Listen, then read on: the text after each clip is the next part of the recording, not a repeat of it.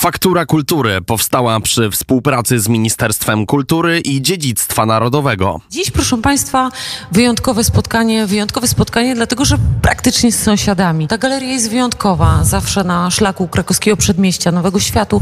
Kiedy Państwo podróżują przez Warszawę, warto tu zajrzeć, bo dynamika zmian, która niesie y, wraz z tymi kolekcjami wydarzenia artystyczne jest niesamowita. Dziś utracone, odzyskane z kolekcji Kołuchowskiej. Jesteśmy w e, galerii Kordegarda. Profesor Rafał Wiśniewski, Narodowe Centrum Kultury. Dzień dobry. Dzień dobry. Utracone, odzyskane z kolekcji Gołuchowskiej to jest kolejna wystawa, która pokazuje dzieła, które udało się w, w Polsce odzyskać. Jak wygląda z Pana perspektywy, z Pana doświadczenia i z Pana wiedzy eksperckiej sytuacja, jeśli chodzi o te odzyskiwane dzieła? Co udało nam się y, już osiągnąć, a czego jeszcze tak bardzo byśmy potrzebowali? E, chyba zacznę od e, podziękowań dla wszystkich osób, które są bezpośrednio zaangażowane w proces odzyskiwania dzieł sztuki, począwszy od pana ministra profesora Piotra Glińskiego, Departamentu Restytucji de Dóbr, również Departament Strat Wojennych, muzealników, hobbystów, wszystkich ludzi z pasją, którzy podejmują to wyzwanie. To są często tak, jakbym określił bohaterowie, których nie widać, bo to są osoby, którzy pracują w różnych gabinetach, analizują zdjęcia, śledzą kolekcje w internecie. Trochę przypomina mi się tutaj tak pół żartem, pół serio, e, taka sentencja Supermana, kiedy e, wujek Ben mówi do Supermana, pamiętaj, wielka moc to wielka odpowiedzialność i rzeczywiście myślę, że, że te osoby, które bezpośrednio to realizują, tak się dzieje. E, zacznę od tego, że fajnie jakby tego projektu nie było.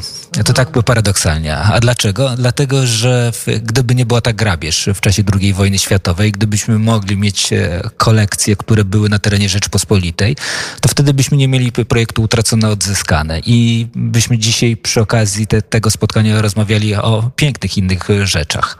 Ale no niestety tak się stało, że grabież ze strony Niemiec i e, Rosji spowodował to, że wiele obiektów przede wszystkim zostało zniszczonych. I e, to pokazuje urna w Bibliotece Narodowej, w której widzimy szczątki starodruków, które zostały po prostu bestialsko spalone. No to się nie mieści w głowie, że, że można coś takiego zrobić, bo często podkreśla się, że, że Niemcy to, to, to inteligenci, to, to, to, to kiedy przychodzili, to zawsze z, z takim pietyzmem do, do sztuki. No właśnie ten pietyzm do, do sztuki pokazuje to, to te zniszczenia, grabież, a przede wszystkim jak zobaczymy sobie zdjęcia czy filmy z, po powstaniu, kiedy to, to miasto Warszawa zostało zrównane, miasto ruin. E, ale jest tak, że, że Ministerstwo Kultury nie jest pasywne, jest bardzo aktywnym e, aktorem. E, bym powiedział, że trochę pracowników ministerstwa, w szczególności Departamentu Restytucji, boją się już na świecie, dlatego że oni przyglądają się różnym kolekcjom i z, zgłaszają swój, no, swój akces do tego, że, żeby te dzieła wróciły do Polski.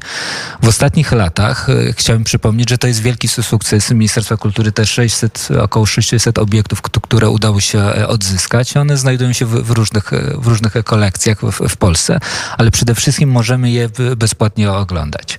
Dziś znajdujemy się w Kordegardzie. Co roku razem z Ministerstwem Kultury mamy te, taki projekt jako Narodowe Centrum Kultury, właśnie przypominać o obiektach, które udało się e, odzyskać.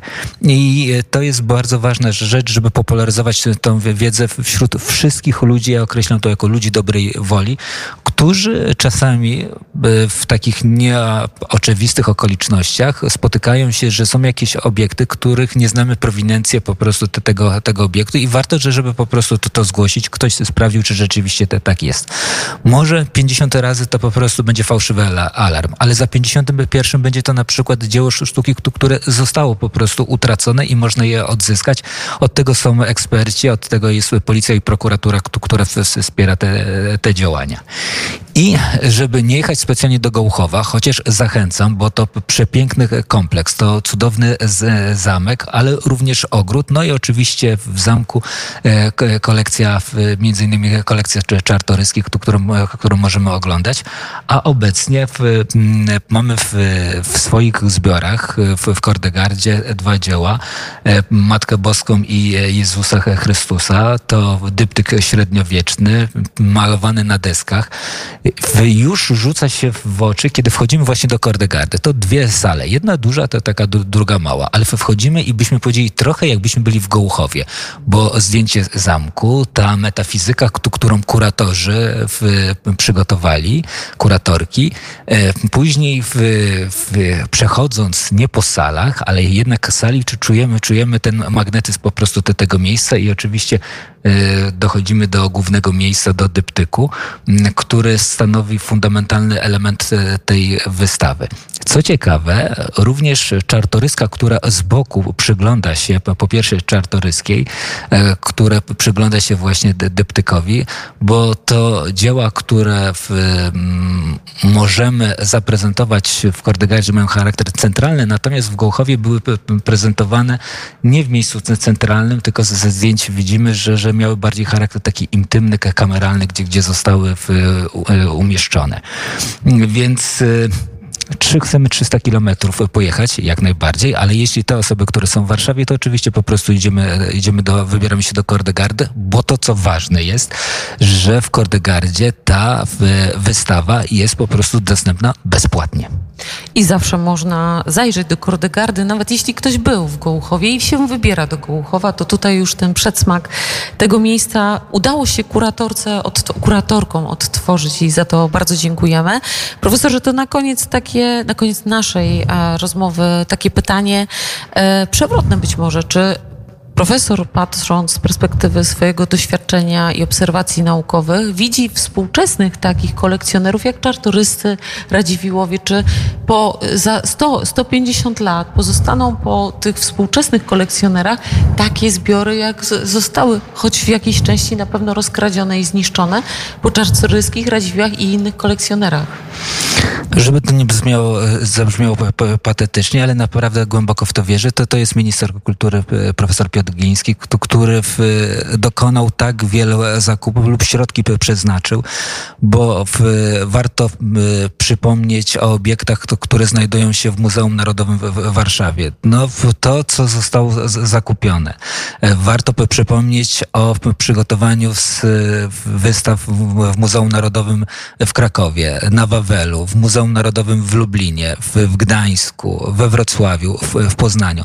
To znaczy mecenat państwa dzisiaj, dzisiaj jest trochę inaczej, jakby jest ulokowany. Wcześniej to, to były przede wszystkim kwestie prywatne. Dzisiaj, dzisiaj bym powiedział, że, że to jest interes państwa polskiego i e, wspólne, ta, takiej wizji, ale ktoś musi mieć tą odwagę i po prostu podjąć taką decyzję. Tak robimy, e, tak e, dokonujemy zakupów, tak staramy się odzyskać te dzieła. No i w, w mniejszym zakresie oczywiście mamy prywatnych kolekcjonerów.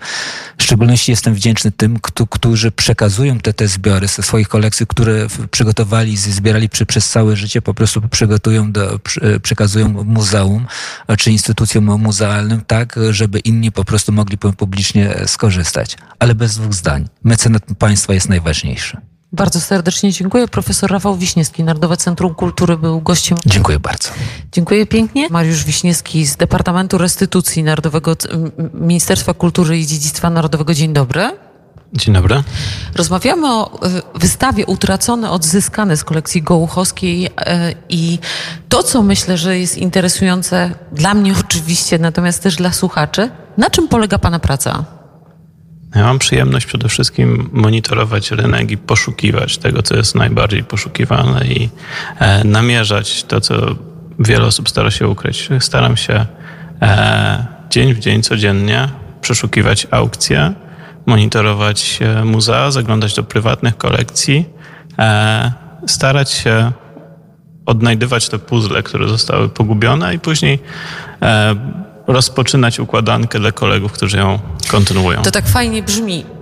Szukamy, przeglądamy, ale de facto no, przychodzi pan do pracy i tych aukcji na świecie odbywają się pewnie setki dziennie. Tysiące. Tysiące.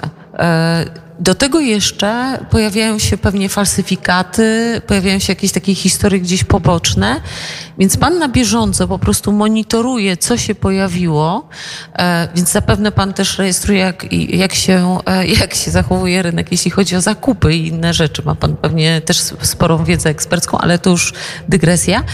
Jeśli pojawi się, przecież tych dzieł, które utraciliśmy, jest ogromna liczba.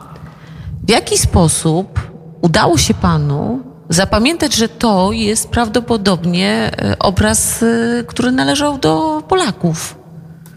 A, akurat widoczny tutaj dyptyk jest mhm. troszeczkę wyjątkowy, dlatego że nie wypłynął i nie pojawił się w momencie monitorowania rynku e, sprzedaży i kupna dzieł sztuki. E, podjęliśmy próbę e, aktywnego poszukiwania dyptyku. Mhm. Któregoś dnia po prostu postanowiłem go znaleźć i na szczęście się to udało. Proszę Państwa, no Państwo mnie znają już trochę z anteny i Państwo znają też różnych rozmówców. Podjął Pan decyzję i co? Um, Jakie były kroki? E, to jest moment, w którym ministerstwo rozpoczynało swoją e, przygodę z wyszukiwaniem graficznym. Mhm. Wyszukiwanie graficzne, czyli wyszukiwanie obrazem, jest e, coraz popularniejszym sposobem wyszukiwania w internecie. Jako nowy pracownik, wtedy nowy pracownik jeszcze Departamentu Dziedzictwa Kulturowego za granicą i strat wojennych, z którego wydzielił się obecny Departament Restytucji, miałem przyjemność po prostu i dostęp do bazy zdjęć, które znajdowały się w naszej bazie strat wojennych i w Krajowym Wykazie Zabytków Skradzionych i Nielegalnie Wywiezionych. I na podstawie tych zdjęć rozpocząłem systematyczne przeszukiwanie internetu przy użyciu właśnie wyszukiwania graficznego, e, przy użyciu zupełnie e, dostępnych e, narzędzi. Jeszcze wtedy ministerstwo nie dysponowało własnymi systemami, które zostały później uruchomione i stworzone. I właśnie przy użyciu tego typu narzędzi dostępnych de facto dla każdego udało nam się namierzyć, udało mi się namierzyć e, szereg wersji tego dyptyku. Mhm. Następny etap pracy polegał na de facto wyeliminowaniu wersji, które na pewno nie są tożsame z naszą wersją. I one doprowadziły do kilku zdjęć, współczesnych zdjęć znajdujących się w internecie. Wszystkie prezentowały e, obraz e, Mater Dolorosa w zbiorach hiszpańskich. Niestety obraz Ece Homo, czyli druga połowa dyptyku, jest tak idealnie podobny do wielu znanych kopii, że na podstawie tego niskiej jakości zdjęcia, które jeszcze wtedy było widoczne, był nieuchwytny. Ale Mater Dolorosa e, była uchwytna i była na tyle uchwytna, że pozwoliła ciągnąć tą nitkę do kłębka. I dzięki temu nabraliśmy odwagi, żeby skontaktować się z muzeum w Pontevedra. Muzeum e, poszło na współpracę od samego początku, nie stwarzało problemów i bardzo chętnie udostępniło nam po pewnym czasie oryginały zdjęć razem z ramami. Te ramy, te ramy są tak charakterystyczne, że udowodniły ponad wszelką wątpliwość, że to jest nasza właściwa kopia obydwu obrazów. I w jakich ramach czasowych e, poruszamy się w tej opowieści, o tej restytucji? Ile czasu zajęło od chwili, kiedy pan po, powiedział mi pan to poza anteną, że dwie godziny mniej więcej zajęło panu poszukiwanie państwo, państwo są w stanie sobie wyobrazić teraz e, minę mojego rozmówcy, ale, e, ale ile zajęło czasu uzyskanie zwrotu z tego muzeum? Czy, bo myślę, że część muzeów no, niechętnie pozbywa się własnych zbiorów, a właściwie chyba wszystkie muzea na świecie jednak wolą posiadać to w kolekcji. Jeśli są bardziej przyjazne, to ta współpraca jest dużo łatwiejsza, ale jeśli są oporne, no to w jakich okresach okresach czasowych się poruszamy? Trudno tutaj naprawdę generalizować. Mhm. I w większości spraw, nawet takich często podkreślano już we wcześniejszych wywiadach, i, że, że ta sprawa jest dość wzorcowa. Nawet w takich sprawach poruszamy się swego rodzaju skokami, to znaczy kumulujemy materiały, zbieramy wiedzę, zbieramy publikacje, zbieramy zdjęcia i doświadczenia po to, żeby nastąpił jakiś przełom. I ten przełom może trwać dwie godziny. To nie jest tak, że tak, tak po prostu każdy kolejny etap to jest e, kilka minut pracy. To, to, to, to zbieramy autentycznie się do tego skoku i ten skok e, stawia nas w nowym miejscu, w którym możemy znowu e, podejść do następnych działań. W tym przypadku mamy etap poszukiwania, później mamy etap, w którym e, sami kwestionujemy swoją własną hipotezę, który może trwać kilka tygodni lub miesięcy. To jest e, wszystko zależne od tego, jakie posiadamy materiały e, i jak wiele jest znaków zapytania w całym procesie, zarówno ze względów merytorycznych, jak i historycznych, jak i czasami ze względu na chęć współpracy posiadacza. W tym przypadku chęć współpracy istniała i posiadacz pomagał i, i, nie utrudniał nam procesu. I od początku mieliśmy tą deklarację ze strony hiszpańskiej, że jeżeli udowodnimy, e, że to jest nasza kopia, to, że tak powiem, strona hiszpańska będzie nas wspierać w dalszych krokach. E, natomiast cały proces i tak, ze względu na to, że to częściowo, jeżeli chodzi o tego partnera, jest to proces precedensowy, i tak trwał niemal 3 lata. To są długotrwałe procesy, a y, czy moglibyśmy powiedzieć o, y, czy mógłby Pan powiedzieć, co już mają Państwo teraz namierzone i o co walczymy? Czy to są rzeczy jednak, których nie można ujawniać, żeby nie zepsuć dobrej współpracy z tymi, którymi będziemy te dzieła odbierać? Um, wolałbym nie zdradzać tego i myślę, że oczywiście e, nie jest to moja decyzja, żeby e, całą pracę całego zespołu tutaj wyjawiać. Myślę, że będą Państwo bardzo miło zaskoczeni e, w najbliższych tygodniach i miesiącach i latach, bo ta praca rozkłada się na lata i często obiekty, które e, już teraz mamy w przygotowaniu i opracowaniu. Mogą się pojawić za miesiąc, za rok albo za pięć. Nie chcę tutaj niczego obiecywać dokładnie, natomiast na pewno na pewno będą to obiekty ciekawe, w tym czasami może i tak ciekawe jak ten dyptyk. Mhm. A y, to już na koniec naszej rozmowy, Panie Mariuszu, Jakie studia pan skończył? Pan jest historykiem sztuki. Co trzeba y, zrobić, żeby być śledczym w Ministerstwie Kultury i Dziedzictwa Narodowego, żeby móc zajmować się taką, to znaczy dla mnie ekscytującą pracą? Jestem archeologiem. No, takiej odpowiedzi bym się nie spodziewała. E, mam nadzieję, że e, mam nadzieję, że jeszcze kiedyś e, będziemy mieli okazję porozmawiać o kolejnych restytucjach, bo dla mnie jest to myślę, że dla naszych słuchaczy fascynujący temat. Poszukiwanie tego, co właściwie wszyscy chcą schować, albo już schowali i przyzwyczaili się do tego, jest na pewno przygodą niczym obecny teraz na ekranach Indiana Jones. Bardzo serdecznie dziękuję za rozmowę. Mariusz Wiśniewski, Departament Restytucji Ministerstwa Kultury i Dziedzictwa Narodowego był naszym gościem. Dziękuję bardzo i zapraszam Państwa na piękną wystawę do Kordegardy, na wystawę, której kuratorką jest pani Ewa Witkowska. W Kordegardzie utracono odzyskane z kolekcji Gołuchowskiej pani Agnieszka Bebłowska-Bednarkiewicz, koordynator wystawy. Dzień dobry. Dzień dobry Państwu.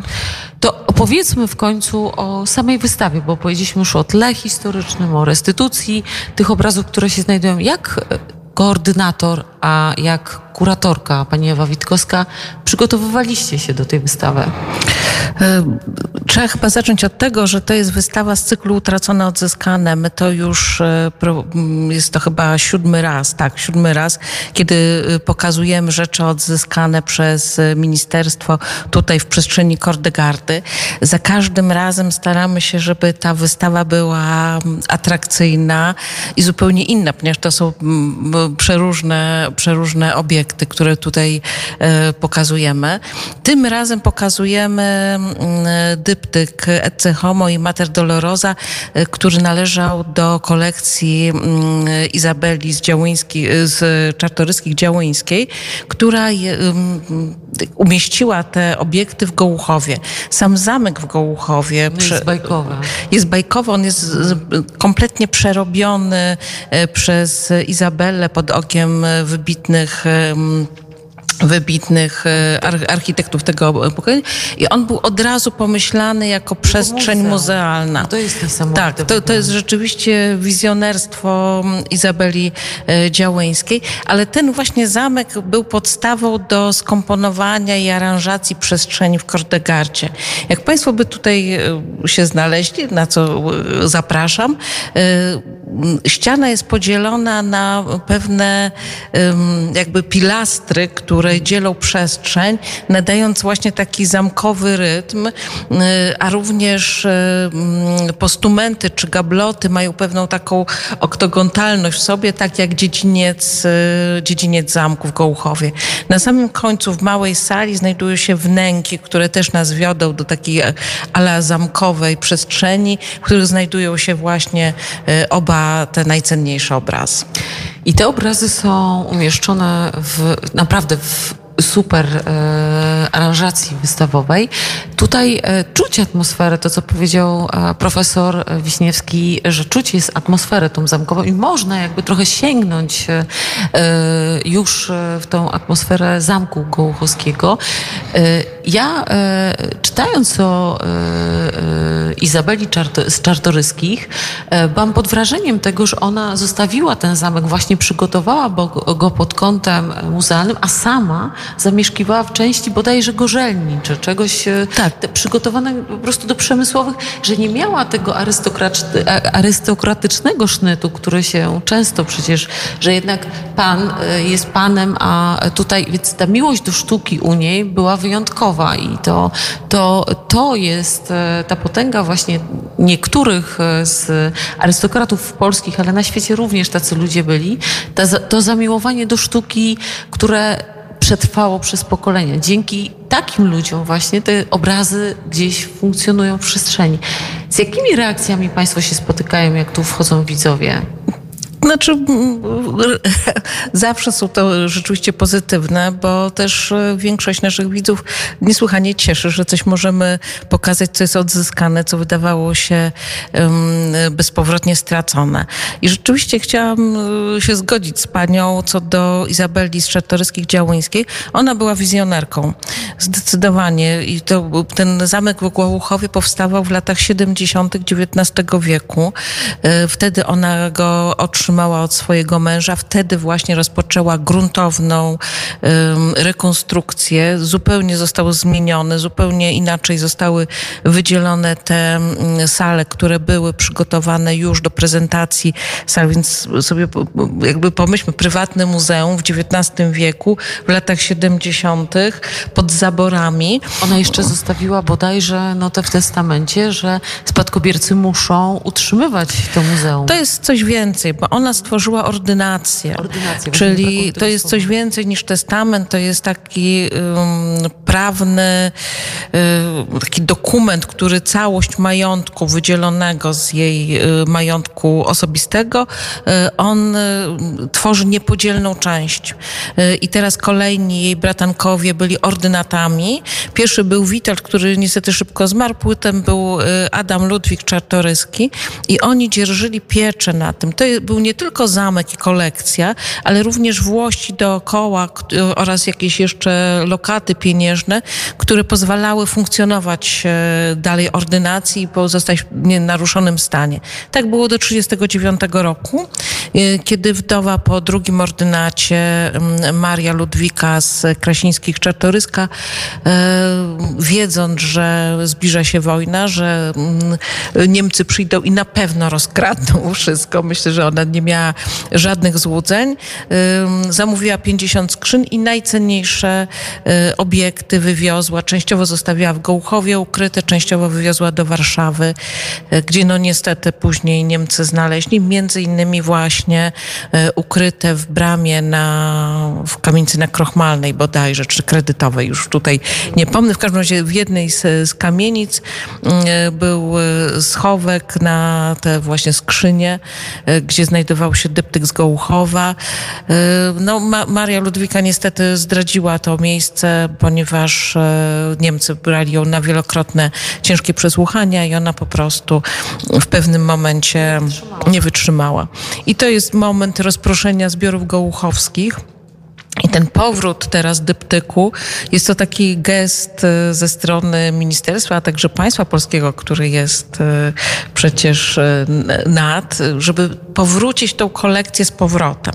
Ale może oprócz tego, że mówiliśmy o dyptyku tak dużo, chciałabym zwrócić uwagę jeszcze na dwa obiekty, które znajdują się na, mm, w przestrzeni Kordegardy w Gablocie. To są, jeden jest relikwiarz taki skrzynkowy, drugi krzyż procesyjny. To są również obiekty, które znajdowały się w kolekcji gołuchowskiej. Mamy też zdjęcie, które dokumentuje ich obecność w kablotach. Są to rzeczywiście przepiękne kopie XIX-wieczne, relikwiarze. Tak właśnie trudno mówić, że to są podróbki, raczej myślę, że kopie albo repliki. I to jest jak gdyby taka też myśl Izabeli y, i jej zainteresowania co do kolekcji, bo ona miała bardzo e, specyficzny sposób traktowania kolekcji. Ona nie zbierała wszystkiego, jak jej słynna babka mm, Izabella z Flemingów Czartoryska, pani na Puławach. Ona miała bardzo swoje konkretne zainteresowania. Między innymi właśnie interesowała się rzemiosłem średniowiecznym i to jest, są takie przykłady jej, jej zakupów, bardzo interesujące i bardzo ciekawe.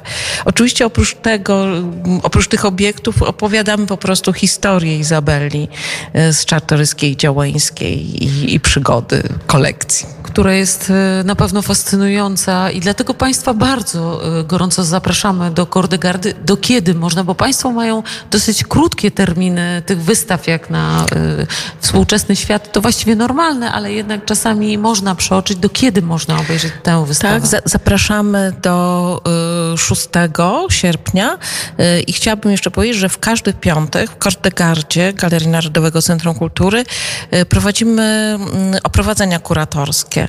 Także zapraszamy w godzinach popołudniowych, można się spotkać i usłyszeć tą opowieść jakby bardziej rozbudowaną. Z panią wtedy Ewą Witkowską będzie się łatwiej spotkać, która jest kuratorką tej wystawy, a dziś bardzo serdecznie dziękuję pani Agnieszce Bebłowskiej-Bednarkiewicz, koordynatorce wystawy. Serdecznie dziękuję. Dziękuję. Faktura Kultury powstała przy współpracy z Ministerstwem Kultury i Dziedzictwa Narodowego.